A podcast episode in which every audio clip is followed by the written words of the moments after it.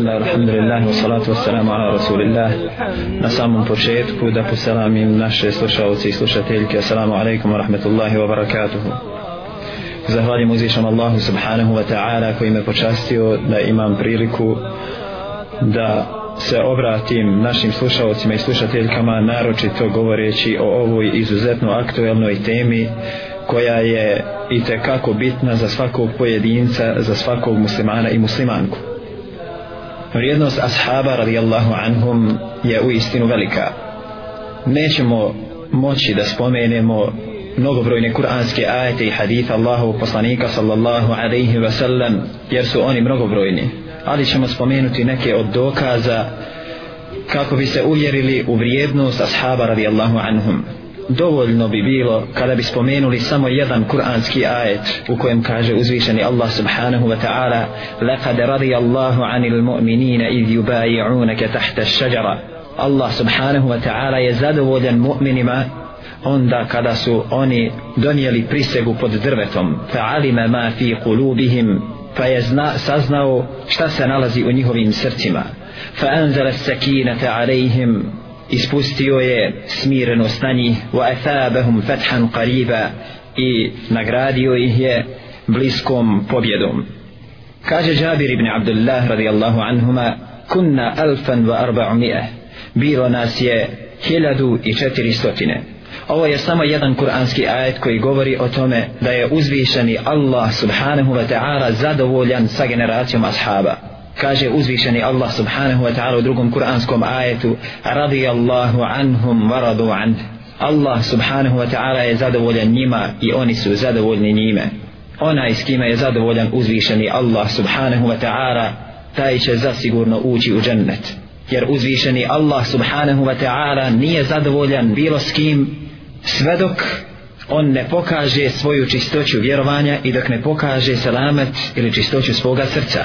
A ashabi radijallahu anhum su pokazali iskrenost u vjeri uzvišenog Allaha subhanahu wa ta'ala stoga je uzvišeni Allah subhanahu wa ta'ala znao da će oni preseliti na imanu, da će preseliti kao mu'mini i da će ući u džennet. Stoga je uzvišeni Allah subhanahu wa ta'ala zadovoljan sa njima.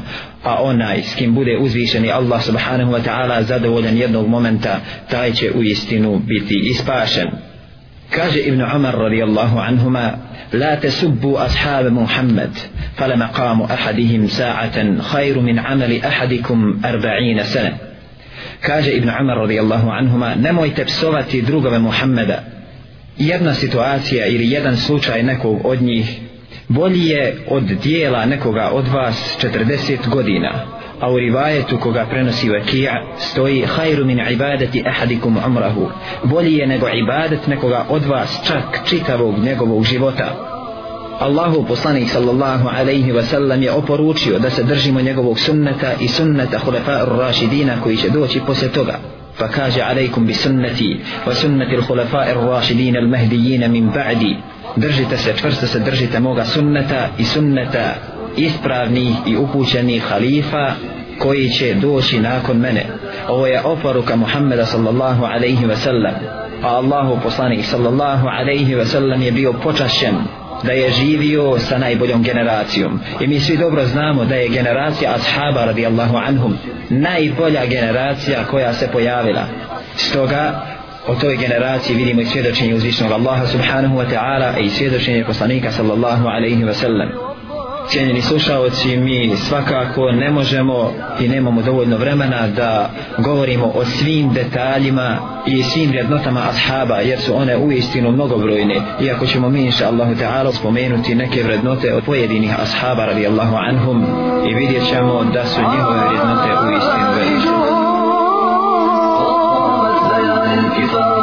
Spomenuli smo znači neki od e, vrijednosti samih ashaba e, drugova Allahu poslanika Muhammeda sallallahu alaihi ve sellem. Možete li za naše slušalce da kažete sljedeće? Kako treba da bude naše stajalište, odnosno naš stav, odnosno aitikad ahli sunnata u pogledu ashaba radi Allahu anhu. Što se tiče objeđenja ili sunnata val jamaata u pogledu ashaba, kaže Ibn Abil Iz al-Hanafi rahimahullahu ta'ala, koji je bio sedbenik hanefijskog medheba, ovo naročito naglašavam jer su ljudi na našim terenima pristalica hanefijskog medheba. da bi se još malo više i čvršće prihvatili i ubjeđenja hanefijskih pravnika i hanefijskih učenjaka.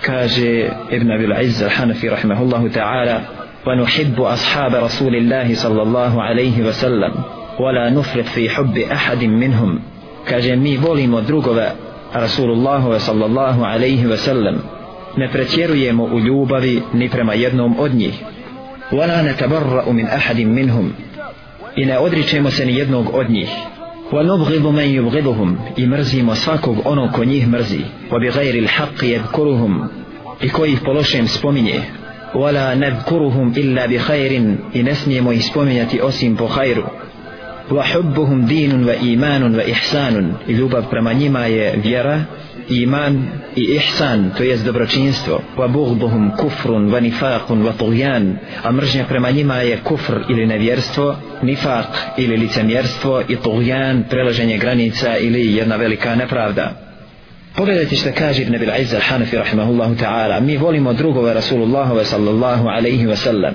Obaveza svakog muslimana je da mora voliti drugove Allahovog poslanika sallallahu alaihi wa sallam od prvog do posljednjeg. I ne smije ni u kom slučaju pretjerivati u ljubavi ni prema jednom od njih, niti se smije odricati bilo kojeg od njih. Imamo neke sekte koje su naše za shodno da pretjeravaju u ljubavi prema drugovima Allahovog poslanika sallallahu alaihi ve sellem Pa su se pojavili rafidije, pojavile su se rafidije ili kod nas poznate šije, koji pretjeravaju u ljubavi prema Ali radijallahu anhu. Čak su neki otišli do te mjere da ga smatraju Bogom ili smatraju ga božanstvom al billah. Iako sve sekte ili svi pripadnici ove pomenute sekte nisu na istom stepenu jer ima različitih sekti, oni su sami međusobno podijeljeni, stoga ima i različitih stavova u pogledu mržnje ili ljubavi prema ashabima od strane njih.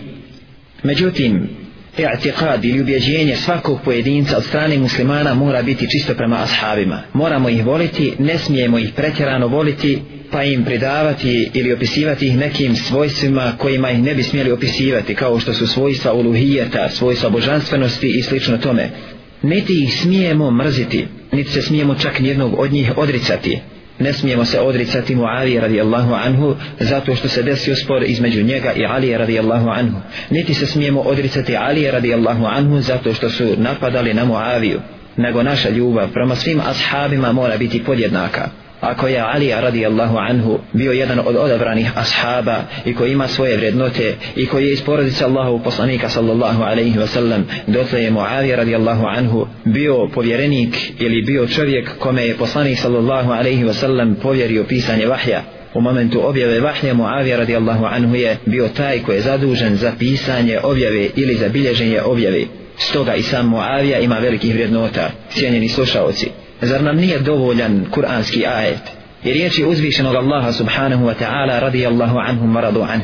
Allah žele šanhu je zadovoljan sa njima i oni su zadovoljni sa njim ako je Allah Đelešanuhu zadovoljan sa nekim, otkud pravo meni kao pojedincu, ili otkud pravo bilo kojem pojedincu da osjeća prezir prema nekome koga voli uzvišeni Allah subhanahu wa ta'ala i onaj s kim je zadovoljan uzvišeni. Stoga cijenjeni slušalci, bojte se Allaha subhanahu wa ta'ala, naročito kada su u pitanju ashabi. Naša obaveza je da ih sve moramo podjednako voliti i ne smijemo se ni jednog od njih odricati, nego ih moramo voliti kako kaže Ibn Taymi rahmetullahi alaihi wa min usuri ahli sunnati wal jamaati ej min ususi aqidatihim سلامة قلوبهم وألسنتهم لأصحاب رسول الله صلى الله عليه وسلم كاج شيخ الإسلام ابن تيمية رحمة الله عليه od temelja ahli sunnata wal jamaata a mi smo cijenjeni slušaoci pripadnici ili sljedbenici ahli sunnata wal jamaata jeste da budu njihova srca čista i iskrena i da njihovi jezici budu čisti prema ashabima Allahovog poslanika sallallahu alaihi wa sallam tako da ne smijemo spominjati ashabe osim prema dobru koje su oni uradili Ne volimo onoga koji ih mrzi i koji ih po lošem spominje i samo ih po dobru spominjemo. Ne smijemo voliti onoga ko mrzi ashabe Allahu poslanika sallallahu alaihi ve sellem jer u istinu onaj ko spominje ashabe po lošim, onaj koji ih mrzi, onaj koji ih prezire, takva osoba u istinu ne zaslužuje da je mi volimo jer čovjek će biti na sudnjem danu sa onim koga bude volio. Al mar'u ma'a man ahabbe čovjek će biti sa onim koga voli. Mi zato moramo voliti Allahu poslanika sallallahu alaihi ve sellem i najodabraniju generaciju ashaba za koju je on posvjedočio da je to najbolja generacija jer kaže najbolja generacija je generacija u kojoj se ja nalazim zatim stoljeće koje slijedi zatim stoljeće koje slijedi to je najbolja generacija po svjedočenju poslanika sallallahu alaihi wa sallam i s druge strane. To je najbolja generacija jer je Allah subhanahu wa ta'ala zadovoljan sa njima i zadovoljni su oni sa uzvišenim Allahom subhanahu wa ta'ala. Stoga cijenjeni slušalci ponavljamo da ne smijemo voliti onoga ko mrzi ashabe, nego naprotiv moramo ga mrziti jer mrzi one koji su do nas dostavili objavu. Uzvišeni Allah subhanahu wa ta'ala je dostavio objavu do Muhammeda sallallahu alaihi wa sallam a on je prenio ashabima, a ashabi radijallahu anhum su to proslijedili dalje. Oni su ti koji su živjeli sa poslanikom sallallahu alaihi wasallam. Oni su ti koji su žrtvovali svoje živote i svoje imetke braneći ovu vjeru. Oni su ti koji su žrtvovali sve što su imali da bi Allahova riječ došla do nas. I otkud pravo nekom pojedincu da napada na ashabe i da ih vrijeđa i da govori o njima loše i da spominje neke od njihovih mogućih pod navodnim znacima grešaka jer oni nisu bezgriješni. Dešavale su se neke greške od strane ashaba radijallahu anhum ali Allah subhanahu wa ta'ala kaže za njih da je zadovoljen sa njima i inša Allahu ta'ala Allah im je oprostio njihove grijehe i oni će zasigurno ući u džennet. Ljubav prema njima, ljubav prema ashabima je vjera, vjerovanje i dobročinstvo. Stoga cijenjeni slušaoci, naša obaveza je da moramo voliti ashabe jer je to naša vjera, to je vjerovanje i to je dobročinstvo. A mržnje prema njima, mržnje prema ashabima radijallahu anhum je kufr. A šta je kufr? Kufr je nevjerstvo u Allaha subhanahu wa ta'ala. Onaj čovjek koji mrzi ashabe radijallahu anhum. Onaj čovjek koji ih prezire i koji ih pološim spominje. Kod takvog čovjeka se samo u srcu može naći kufr ili licemjerstvo to jest nifak ili togjan preleženje granica ili nepravda prema njima. Stoga nijedan mu'min ne smije dozvoliti da u svojim prsima osjeti bilo kakav prijezir ili mržnju prema bilo kojem od ashaba radijallahu anhum iako cijenjeni slušalci. Posebno naglašavam slučaj Muavije radijallahu anhu wa ardah. Allaha uzvišenog molim da bude zadovoljen sa svim ashabima. Na našim prostorima je dobro prošireno mišljenje i Muavija radijallahu anhu je predstavljen kao jedan veliki negativac. I ovo je velika opaska, cijenjeni slušalci. Muavija radijallahu anhu je jedan od ashaba radijallahu anhum. Stoga moramo ga voliti kao što volimo i Aliju radijallahu anhu, kao što volimo Atmana radijallahu anhu, kao što volimo Abu Bekra, kao što volimo Omera. Uprkos tome što su Abu Bekr, naj, što je Abu Bekr najvrijedniji i najbolji, što je Omer došao nakon njega, što je Otman došao nakon njega, a Alija nakon njega, oni su po vrijednotama i vrlinama ispred Muavija radijallahu anhu, ali ne smijemo ni u kom slučaju osjetiti u svojim prsima nikoliko je jedan trun prezira prema Muavi, niti prema bilo kojem od ashaba radijallahu anhum. Sve ih moramo podjednako voliti, iako neki od njih zaslužuju možda veću ljubav, zbog toga što je poslanik sallallahu alaihi wa sallam spomenuo da ima većih vrednota i da ima većih vrlina u odnosu na ostale ashabe, kao što kaže da je iman Ebu Bekra veći od imana ostalih i da je njegov iman teži od imana ostalih ljudi. Stoga čovjek može da osjeća malo veću dozu ljubavi prema Abu Bakr radijallahu anhu jer ima većih vrlina i većih vrednota, ali ne smije nikako u svome srcu osjetiti prijezir ili mržnju prema bilo kojem od ashaba radijallahu anil džemija. Stoga cijeni slušalci, bojite se Allaha subhanahu wa ta'ala, naročito kada je u pitanju Muavija, jer spomenuo sam da ima kategorija ljudi ili skupina ljudi koji negativno govore o Muavi radijallahu anhu, a naročito upozoravam one, hasbunallahu wa ni'mal vakil, koji su našli za shodno da našu majku, majku pravovjednih Aisha radijallahu anha, spominju po lošem i da je čak potvaraju. Molim uzvišnog Allaha subhanahu wa ta'ala da očisti naša prsa od svega onoga što je šeitan moguće ili što je šeitan bio mogućnosti da ubaci u srca prema bilo kojem od ashaba. Stoga molim Allaha subhanahu wa ta'ala da naša srca i naši jezici budu čisti prema ashabima i da govorimo samo o njima ono što je dobro i da ih istinski iz sveg srca volimo jer ljubav prema njima je ljubav prema Allahovom poslaniku sallallahu alaihi wa sallam kakav stav treba da bude naše objeđenje u pogledu hilafeta nakon smrti poslanika sallallahu alaihi ve sellem kaže Ibn Abil Izz al-Hanafi rahmetullahi alaihi koji naravno ponovo priponavljam bio pripadnik hanefijskog medheba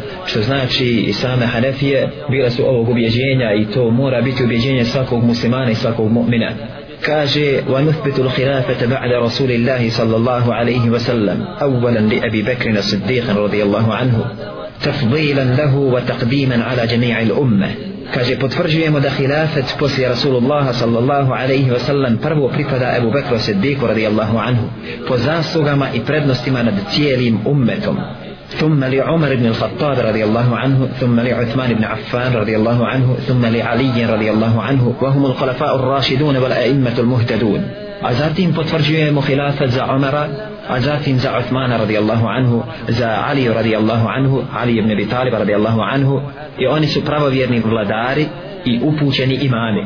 Ovo mora biti ubjeđenje svakog muslimana. Zašto je ovo spomenuto u kontekstu i'tiqada ili ubjeđenja ahli sunnata vel džemaata kada su u pitanju ashabi radijallahu anhu? Pogledajte zašto. Pojavile su se sekte koje su počele da govore negativno o Abu Bekru i o Omeru radijallahu anhu ili pak o Uthmanu radijallahu anhu. Neki čak potvaraju Ebu Bekra neki potvaraju Omara neki potvaraju Uthmana radijallahu anhu i govori o njima loše. Govori da su oni prevarili Aliju i da je Ali radijallahu anhu trebao da bude nasljednik. Stoga je atiqad ahli sunnata val džemaat i ubjeđenje svakog insana koji želi spas na dunjalu i na ahiretu mora da bude. Da je prvi halifa nakon poslanika sallallahu alaihi wasallam Abu Bakr radijallahu anhu. Shodno vredotama koje je on imao i shodno šehadetu u svjedočenju poslanika sallallahu alaihi wasallam kada je u pitanju Abu Bakr. Jer iman njegov u odnosu na iman ostalih ljudi je kada bi bio stavljen njegov iman na jedan tas vage a iman ostalog umeta na drugi tas njegov iman bi prevagnuo. Međutim negativno je to što neki ljudi pokušavaju da predstave islam i da govori negativno islamu govorići ako ja ne mogu biti dobar kao Abu Bakr pa kakva je to onda vjera. Allahu akbar. Hasbun Allahu wa ni'mal vakil. Allah subhanahu wa ta'ala je odabrao ljude koji su najčistiji srca da žive sa poslanikom sallallahu alaihi wa sallam. Jedan od njih je Abu Bakr. Kaže poslanik sallallahu alaihi sallam da sam odabrao neprisnog prijatelja mimo Allaha subhanahu wa ta'ala jer je Allah subhanahu wa ta'ala kao što je uzeo Ibrahima za Halila za prisnog prijatelja tako je uzeo i, i poslanika sallallahu alaihi wa sallam za prisnog prijatelja. Kaže poslanik sallallahu alaihi sallam da imam drugog prisnog prijatelja i da ga želim uzeti onda bi to bio Abu Bakr. S druge strane, Allah subhanahu wa ta'ala spominje slučaj Ebu Bekra sa poslanikom sallallahu alaihi sallam u svojoj plemenitoj knjizi. Spominje slučaj u pozitivnom kontekstu. Thani nejmi idh huma fil gar. Idh jakulu li sahibihi la tahzan inna Allahe ma'ana. Kada su njih dvojica bili u pećini, pa je rekao svome drugu, nemoj tugovati, u istinu je Allah subhanahu wa ta'ala sa nama. Rekao Allahu poslanik sallallahu alaihi sallam, Allah je sa nama. To je sa njim i sa Ebu Bekrom radijallahu anhu. Stoga, otkud nekom je pravo da napada na Ebu Bekra radijallahu anhu, a naročito na onoga koje je najbolji i najvrijedniji u ovome ummetu. Stoga čovjek ne smije dozvoliti da napada na čast Ebu Bekra, niti da govori o njemu nešto što je nešto što je negativno, nešto što je loše.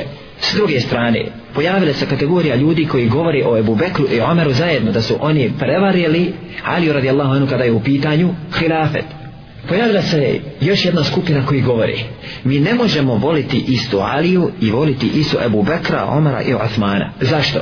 kaže ne možemo voliti Aliju a on je iz porodice poslanika sallallahu alaihi wasallam, ako nećemo mrziti Ebu Bekra, Omara i Osmana zašto? oni su kažu njemu oduzeli hilafet hasbun Allahu wa ni'mal vakil. ne može se desiti da jedan Abu Bekr da jedan Umar da jedan Osman prevare Ali radijallahu anhu naročito što su to bili ljudi koji su se bojali Allaha subhanahu wa ta'ala naročito što su to bili ljudi koji su se borili žrtvovali za islam da bi na kraju bili ti koji će prevariti nekoga a naročito što je subhanallahi wa bihamdi rekao Allahu poslanik sallallahu alaihi wa sallam da će oni zasigurno ući u džanneti onaj ko će ući u džennet, onaj kome je džennet obećan, da se on pojavi kao prevarant, naročito na potvoru nekih pojedinaca da su oni valajada billah odmetnuli se od vjere.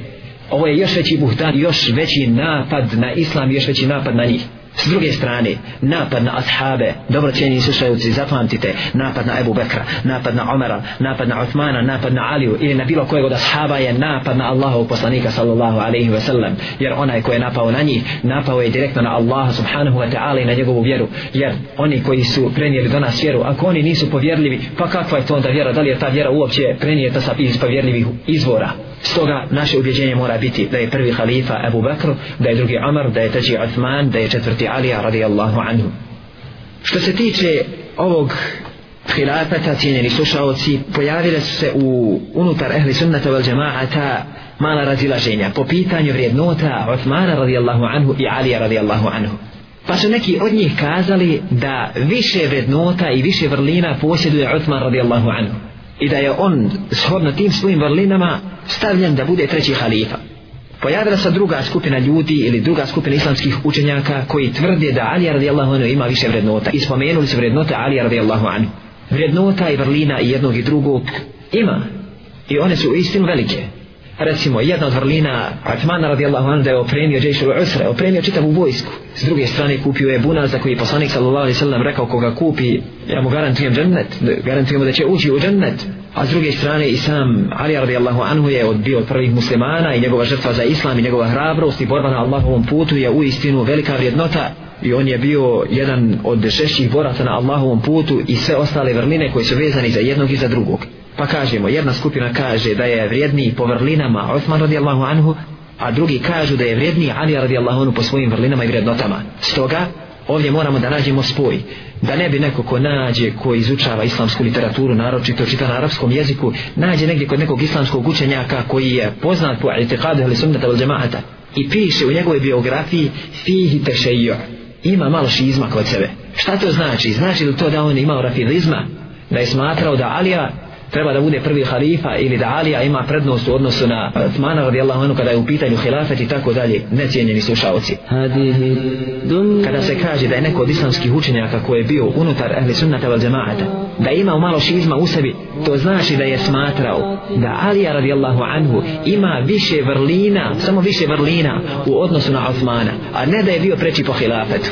Svi islamski učenjaci, pripadnici ahli sunnata val džemaata smatraju da je prvi halifa Abu Bakr, drugi Omar, treći Uthman i četvrti Alija. Ovakvim tertibom i ovakvim poredkom dočim oni za koje se kaže ima malo tešeju'a oni su davali prednost po vrlinama i vrednotama a ne po hilafetu Ali nad Uthmana radijallahu anhu. Šta je povod i razlog za onu strukturu koja smatra Aliju bin Abi Taliba odnosno Ehlu Bejt e, boljim od ostalih ashaba? Prije svega želio bih da napomenim ili bolje rečeno da malo pojasnim ovo pitanje možda da ne bi neki slušalci pogrešno razumjeli u istinu pojedini ashabi imaju više vrlina i više vrednota od ostalih ashaba. I to ne poriče ni sam ehli sunnet ili džemaat nego u čemu je poenta i u čemu je u istinu pravi i istinski problem? Pogledajte. Cijenjeni slušalci moramo znati da oni koji daju prednost Ali radijallahu anhu i Ali bejtu to jest eh, porodici poslanika sallallahu alaihi wasallam iznad svih ostalih ashaba oni ne da daju prednost Ali Bejtu a da su ostavili vrijednost ostalih ashaba nego oni su dali prednost. Porodici poslanika sallallahu alaihi ve sellem, a obaraju i taljaju ugled ostalih ashaba. Ovdje i jest najveći problem. Što znači oni ne da vrijednuju ono što je vrijedno nego oni u istinu prave problem oni vrijeđaju ostale ashabe i smanjuju od njihove vrijednosti. Ali gdje je srž problema? Srž problema je u tome što je Abdullah ibn Sebe, vođa munafika, za vrijeme poslanika sallallahu alaihi wa sallam, prihvatio islam iz licemjerstva.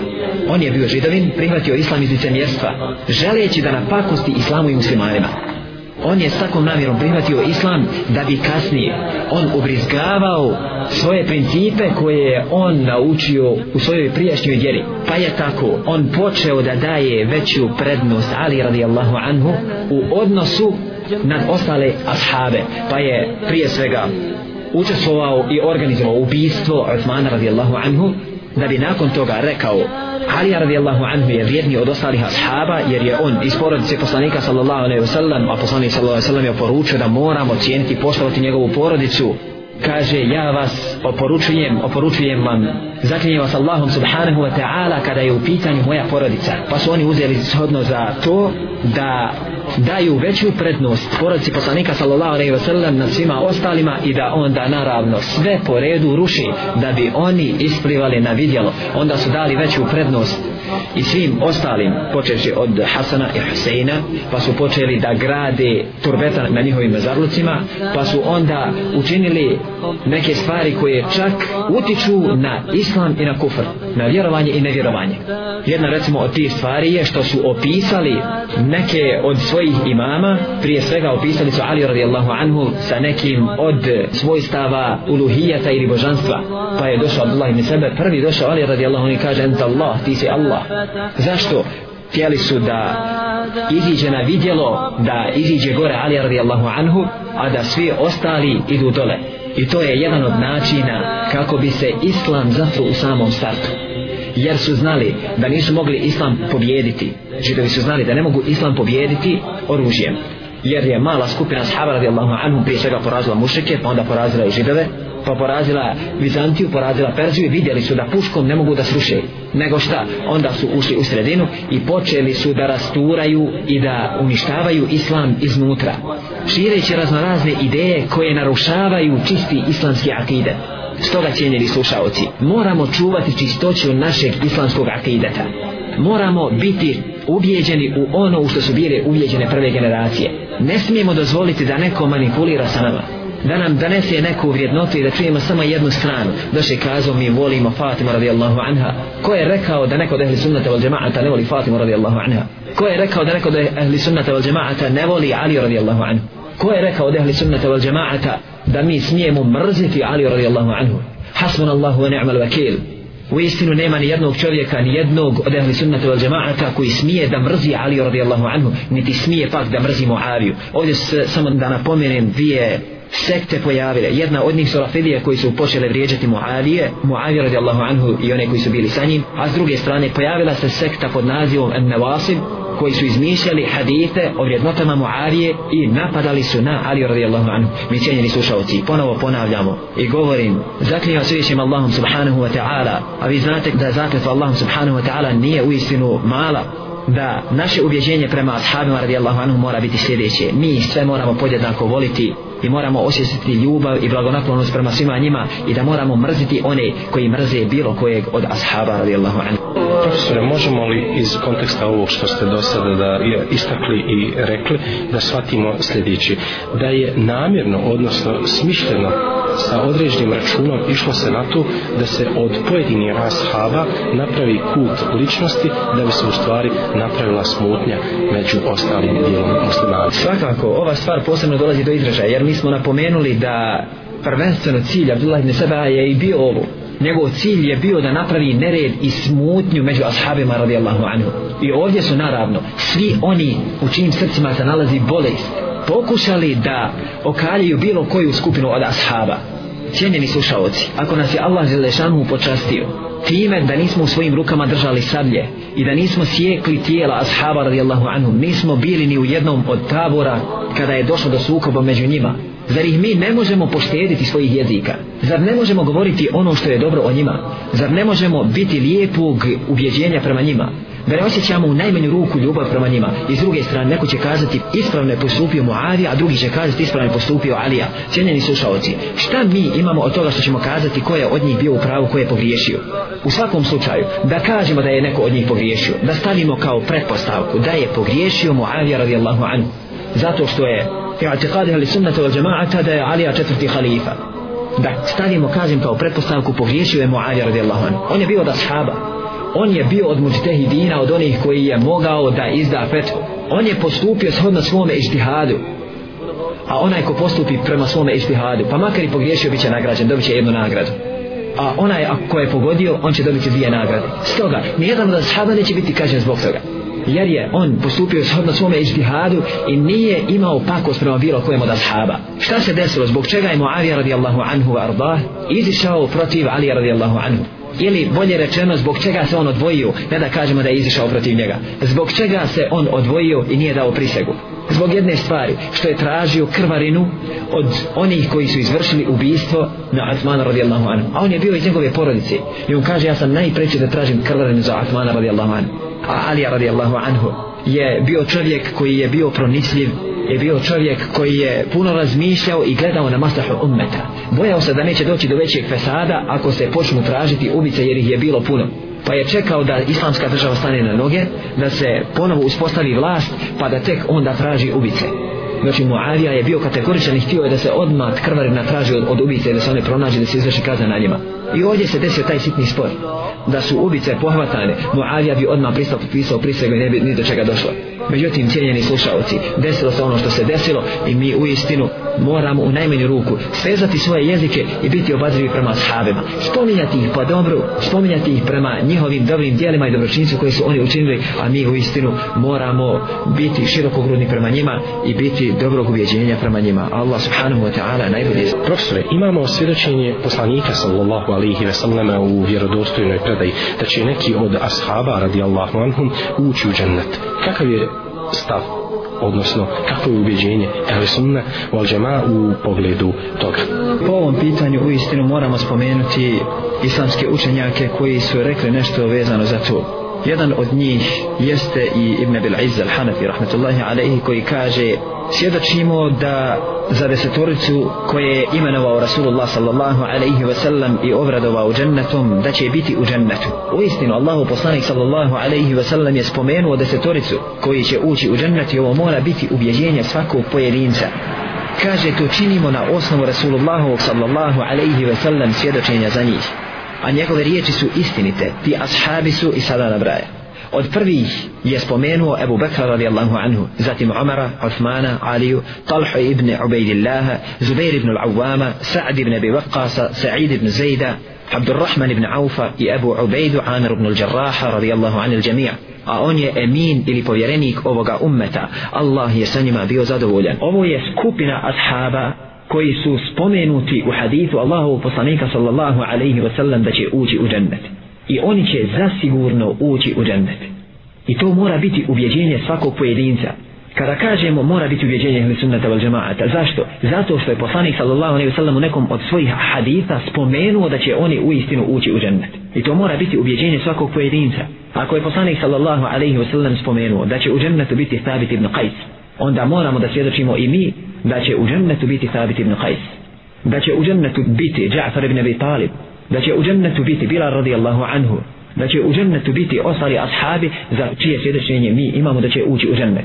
To mora biti tafsir kako bi to kazali Arapi. Ovdje moramo da pojedinačno za svakog od njih vjerujemo da će ući u džennet i da je on u džennetu zasigurno. Zašto? kaže poslanik sallallahu alaihi wasallam da je čuo korake Bilala radijallahu anhu u džennetu zbog dijela koje je činio i to mora biti uvježenje svakog pojedinca doćim ako za nekog od ashaba nemamo posebno svjedočenje mi vjerujemo da će oni ući u džennet ali nemamo posebno svjedočenje i to mi nećemo spominjati i svjedočiti na dunjaluku pojedinačno za svakog ashaba nego za ono svjedočenje.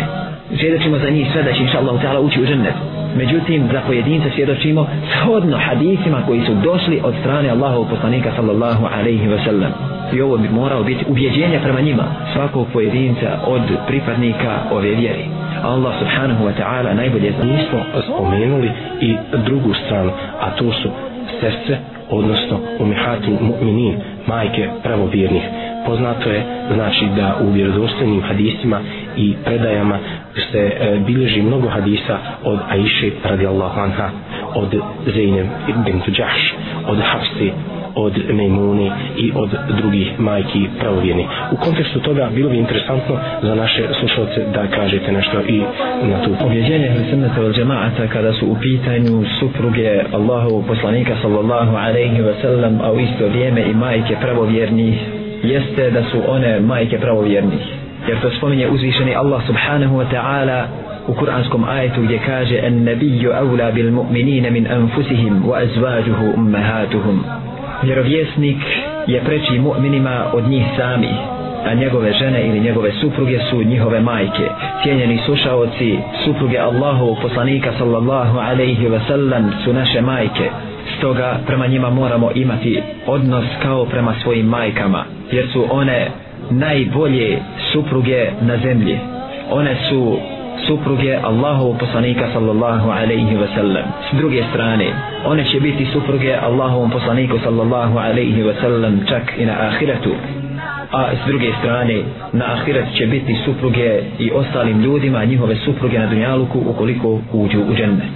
Od supruga Allahovog poslanika sallallahu alaihi ve sellem jeste Khadija radijallahu anha kaže Ibn Taymi rahmetullahi alaihi posebno moramo voditi pažnju o Hadidži radijallahu anha jer je ona majka najviše djece Allahu poslanika sallallahu alaihi wasallam. a ko je Hadidja radijallahu anha ona je prva supruga Allahu poslanika sallallahu alaihi wasallam. on je uzeo za ženu kada je imao 25 godina a ona je tada imala oko 40 godina bila je izuzetno oštrumna i pametna žena dok je ona bila živa nije Allahu poslanik sallallahu alaihi wa sallam oženio više ni jednu ženu. Kaže im Tejmi rahmetullahi alaihi da je ona bila majka najviše djece Allahu poslanika sallallahu alaihi wa sallam ili većine djece Allahu poslanika sallallahu alaihi wa sallam nije spomenuo da, da je ona bila majka sve djece Allahu poslanika sallallahu alaihi wa sallam jer Allahu poslanik sallallahu alaihi wa sallam je imao Ibrahima koji je bio sin od Marije Kopskinje a ko su bili sinovi ili ko su bili djeca koje je izrodila Hadidja radijallahu anha? To su bili sinovi i kćeri. Oni su sinovi bili Kasim rahimahullahu ta'ala. Bio je Abdullah za kojeg se imalo običaj kazati da je on tajib i tahir. Zatim kćerke njegove a one su bile Zeynep zatim Umm Kulthum Fatima i Ruqayya. Najstarije djete je bio Kasim a najstarija kćerka je bila Zeynep radijallahu anha Khadija radijallahu anha je bila prva žena koja je povjerovala u Allahu poslanika sallallahu alaihi wa sallam. Ona ga je potpomagala i njene vrline su u istinu mnogobrojne. A što se tiče Aisha radijallahu anha, rekao je Allahu poslanik sallallahu alaihi wa sallam za nju, fadlu Aisha ala nisa i ke fadli theridi ala sair ta'am. Kaže, vrijednost Aisha nad ostalim ženama je kao vrijednost serida, A šta je ferid? Ferid je popara. To je voda pomiješana sa mesom kaže kao što je vrijednost popare u odnosu na nad ostalim vrstama hrani tako je vrijednost Aisha radijallahu anha u odnosu nad ostale žene kaže Allahu poslanik sallallahu alaihi wa sallam kemule minar ređali kefir mnogi od ljudi su upotpunjeni ولم يكمل من النساء إلا آسية امرأة فرعون kaže a od žena nije upotpunjena osim Asija zatim Marijema bint Imran wa Khadija bint Huwailid a fadlu Aisha ala nisa i ke fadli staridi ala sair ta'am. A vrijednost Aisha nad ostalim ženama je kao vrijednost popare nad ostalim vrijednotama.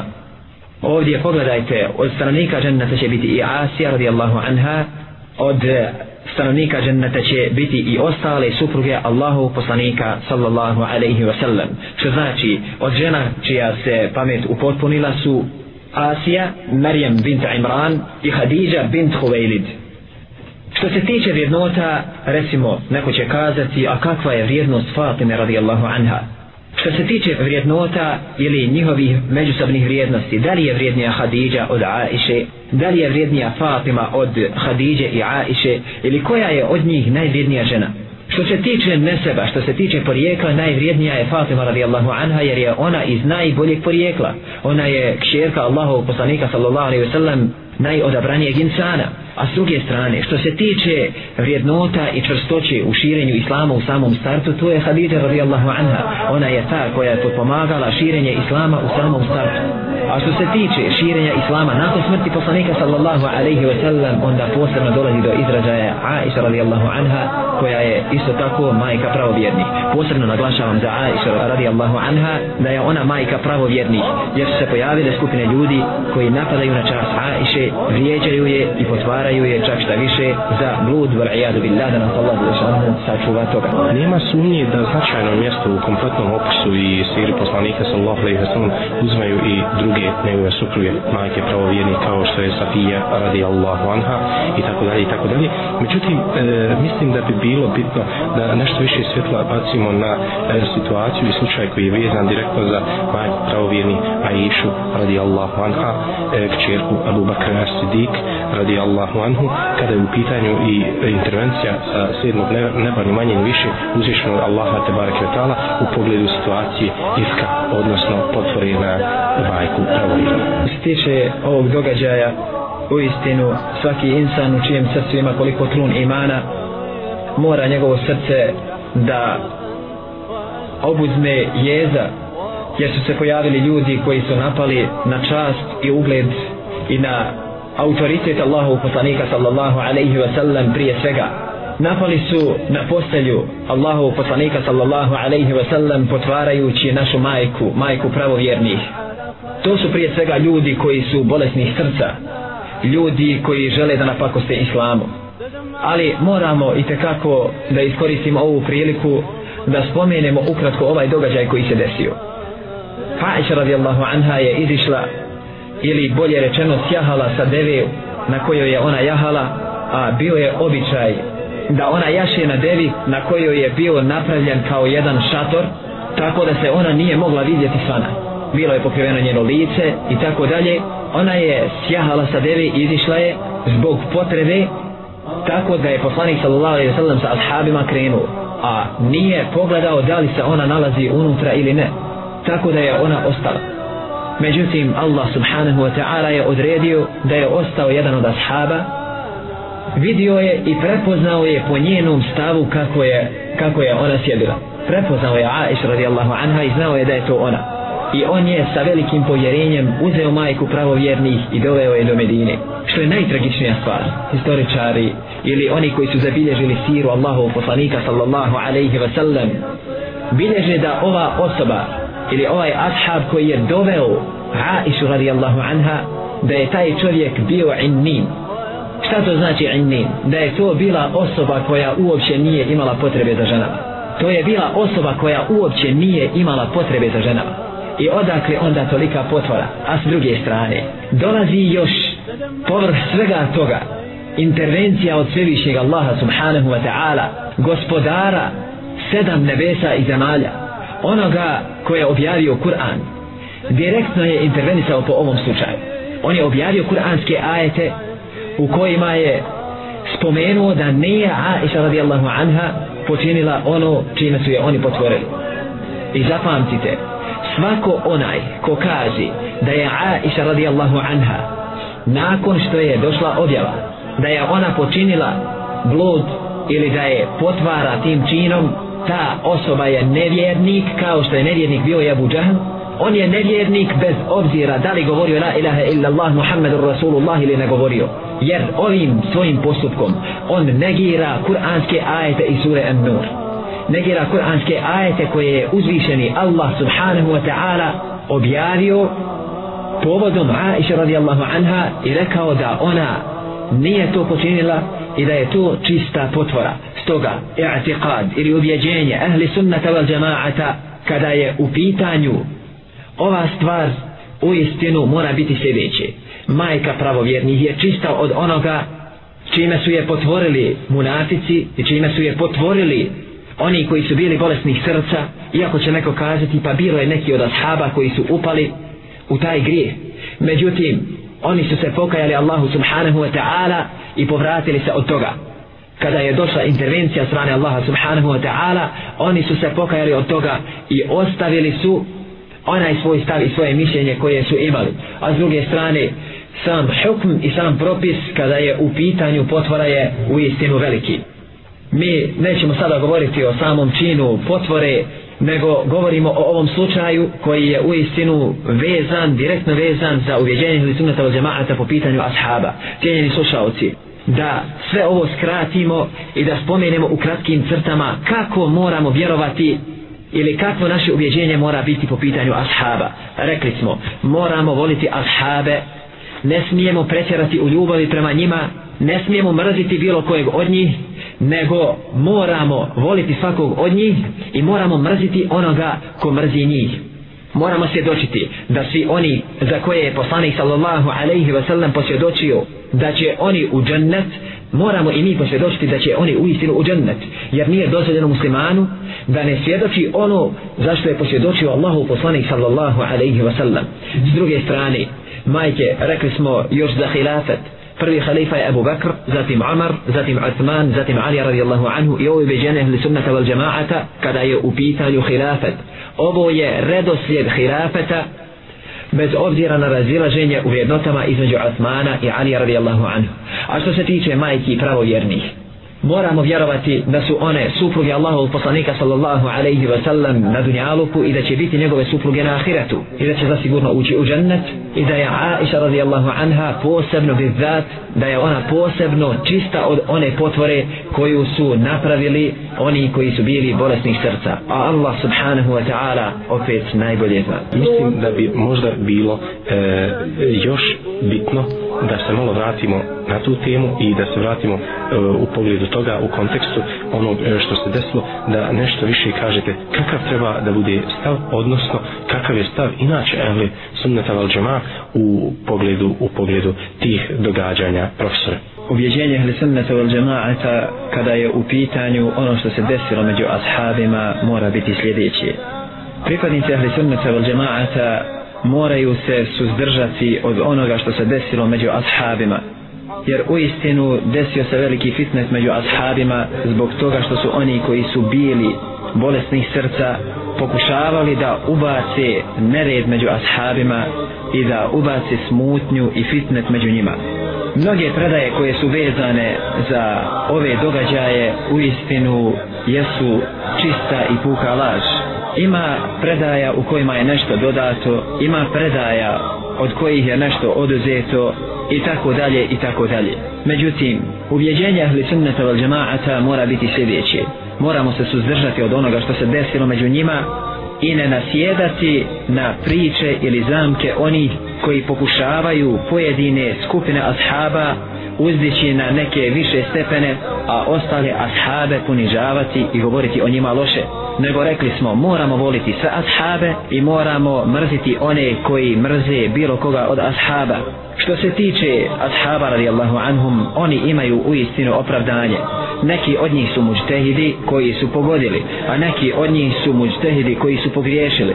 Rekli smo da onaj muđtehid ili čovjek koji može da donosi pravna rješenja koji pogodi on će biti nagrađen sa dvije nagrade a onaj muđtehid koji pogriješi takav čovjek će ili takav muđtehid će imati nagradu samo jedan puta.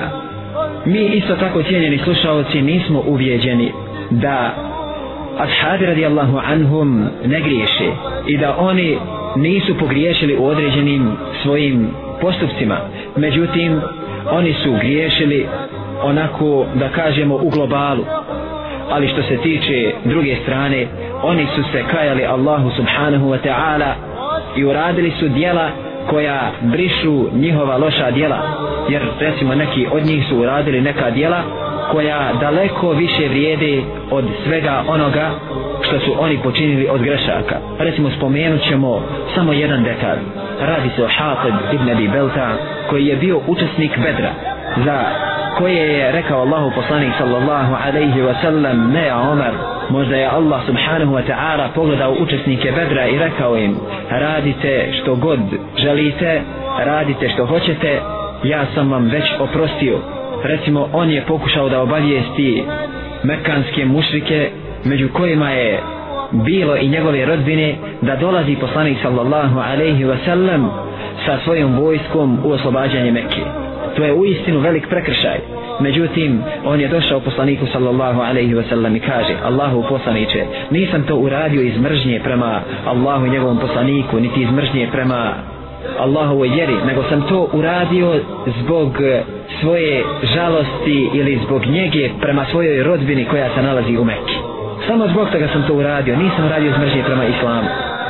Stoga oni su uradili neka djela u kojima su pogriješili međutim njihove vrline i njihova dobra djela koja su oni uradili u istinu pretežu sve ono u čemu su oni pogriješili. Stoga naše ubjeđenje mora biti tako da, da se moramo cijenjeni slušalci suzdržavati i samo lijepo govoriti o ashabima radijallahu anhum i o majkama pravovjernih i o svemu onome što se desilo među njima.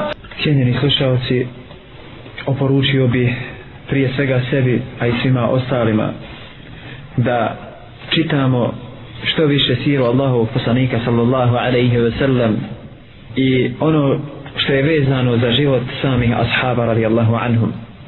Jer u istinu ako budemo dosta čitali dosta učili prije svega o životu Allahovog poslanika sallallahu alaihi ve sellem a zatim i ashabima naša srca će više naginjati prema njima. Jer pogledajte kako ljudi zavole ne znam nija jednog igrača ili pjevača ili ovog čovjeka ili onog čovjeka zbog toga što se puno govori o njemu ili zbog toga što puno sluša o njemu. Isto tako nama prije svega oporučujemo da moramo što više čitati i učiti o ashabima radijallahu anhum i o samom Allahovom poslaniku sallallahu alaihi wa sallam da bi se naša ljubav prema njima što više povećala. I kažem još jedno bojte se Allaha subhanahu wa ta'ala i pazite svoj jezik i svoje srce kada su u pitanju ashabi radijallahu anhum Znači, možete dati odgovor vezano za preseljenje, odnosno šehadet Huseina radijallahu anhu u istinu događaj koji se desio sa Huseinom radijallahu anhu je događaj koji zavređuje posebno vrijeme i događaj koji, o kojem bi se imalo mnogo što šta kazati. Međutim, ja bi prije svega ovoj našoj slušateljki koja je postavila pitanja i svim ostalim slušalcima poručio jedno. Šehadet Huseina radijallahu anhu ili bilo kojeg od, od ostalih ashaba ili čak Ali radijallahu anhu za nas predstavlja jedan šehadet ili pogibio na Allahovom putu i kažemo za njega da je on prije svega iz porodice Allahovog poslanika sallallahu alaihi wasallam da on ima svoje velike vrijednote da je on unuk Allahovog poslanika sallallahu alaihi wasallam od Fatime i Ali radijallahu anhu i da je njegova pogibija na Allahovom putu jedan težak udarac za svakog muslimana i da sve ono što se desilo sa njim je udarac za svakog pojedinca i svakog muslimana. Međutim, taj događaj koji se desio sa Husainom radijallahu anhu ne smijemo ni u kom slučaju uzeti kao događaj i povod za određene manifestacije koje se praktikuju niti smijemo izvajati taj slučaj od ostalih pogibija na Allahovom putu. To je slučaj koji je bolan za svakog muslimana i moramo ga takvog, kao takvog i doživiti. Međutim, ne smije oni u kom slučaju prelaziti granice kada je u pitanju kada je u pitanju pogibija Huseina i raditi one stvari koje je Allah Zalašanu zabranio naročito na mjestima na kojima to nije ni u kom slučaju dozvoljeno. Alo, da se čujemo? Alo, salam alaikum. Alaikum salam, poziv dolazi iz? Iz gladnog polja. A, te bi da pitam, a, naš dragi poslanik sallallahu alaihi wa sallam, pošto je sve precizno od Allaha primio i dobio, pa da li je to malo neozbiljno da on ostavi da prave tamo arbitraže i tako to, da neko drugi odlučuje, nego e, da li e, svaki čovjek logički misli da je on trebao baš da odluči da malo se e, o tome prodišutuje i gdje ima najviše Mohamedove porodice, u kom dijelu gdje je ta voza, gdje je najviše ima i ja lično mislim i moja porodica da je najbolja porodica našeg poslanika sallallahu alaihi wa sallam. Allah vas nagradio na javljanju u kontekstu toga nešto ćemo reći, ali iz režije javljaju još dva poziva imamo, imamo neko na liniji. Na pitanje da li je to malo neozbiljno da ostavi takav čovjek aludirajući na Allahu poslanika sallallahu alaihi wa sallam i za sebe umme da ne da odgovor on je nekim svojim išaratima dao odgovor jer je Ebu Bekr radijallahu anhu predvodio džemat za vrijeme njegovog života. On je tim svojim postupkom i tim svojim činom prije svega ukazao da treba da prvi halifa nakon njega bude Ebu Bekr. A s druge strane prije svega morali bi je malo biti pažljiviji kad izraz da čovjek kaže da li je to neozbiljno. Ne može biti neozbiljno jer takvu riječ ne bi smjeli upotrebili za Allahu poslanika sallallahu alejhi ve sellem za bilo kojeg od ashaba oni nisu ljudi za koje bi smjeli kazati da su bili neozbiljni ili da nisu vodili računa ili vodili pažnje o nekim stvarima. A s druge strane ako je Allahu poslanik sallallahu alejhi ve sellem ostavio ostavio ummet da oni izaberu sebi za halifu morao je ummet da se nauči kako treba birati halifu. Morao je ummet da preuzme svu tu odgovornost koja je došla do njega i ummet, to jest najodabranija generacija ashab radijallahu anhum sakupili i dogovorili ko treba da bude izabran za halifu. Naravno, sve to ashabi radijallahu anhum su uzeli i pogledali vrijednote ostalih ashaba i postavili jednog, a to je Abu Bekr radijallahu anhu zato što je najvrijedniji, a nakon toga dolazi Omar radijallahu anhu, nakon toga Osman, nakon toga Ali radijallahu anhu. A što se tiče porodice Allah poslanika sallallahu alaihi wa sallam, Abu Lehebu neće koristiti, makar on bio Amir nećemo koristiti što je on iz porodice poslanika sallallahu alaihi sallam. A s druge strane onome ko bude iz porodice poslanika sallallahu alaihi ve sallam a bude mu'min i bude na ispravnom akidetu ispravnom ubjeđenju takav će imati koristi fajde od porodice poslanika sallallahu alaihi ve sallam. A bez obzira da li on bio iz porodice poslanika sallallahu alaihi ve sallam ili ne bio a bude nevjernik neće mu to apsolutno ništa ništa koristiti kao što neće koristiti ni Abu Džehelu, ni Abu Lehebu, niti ostalim mušicima koji su živjeli u Mekije, niti živjeli u Medini, niti na bilo kojem drugom mjestu. Samo da napomenem još jedno.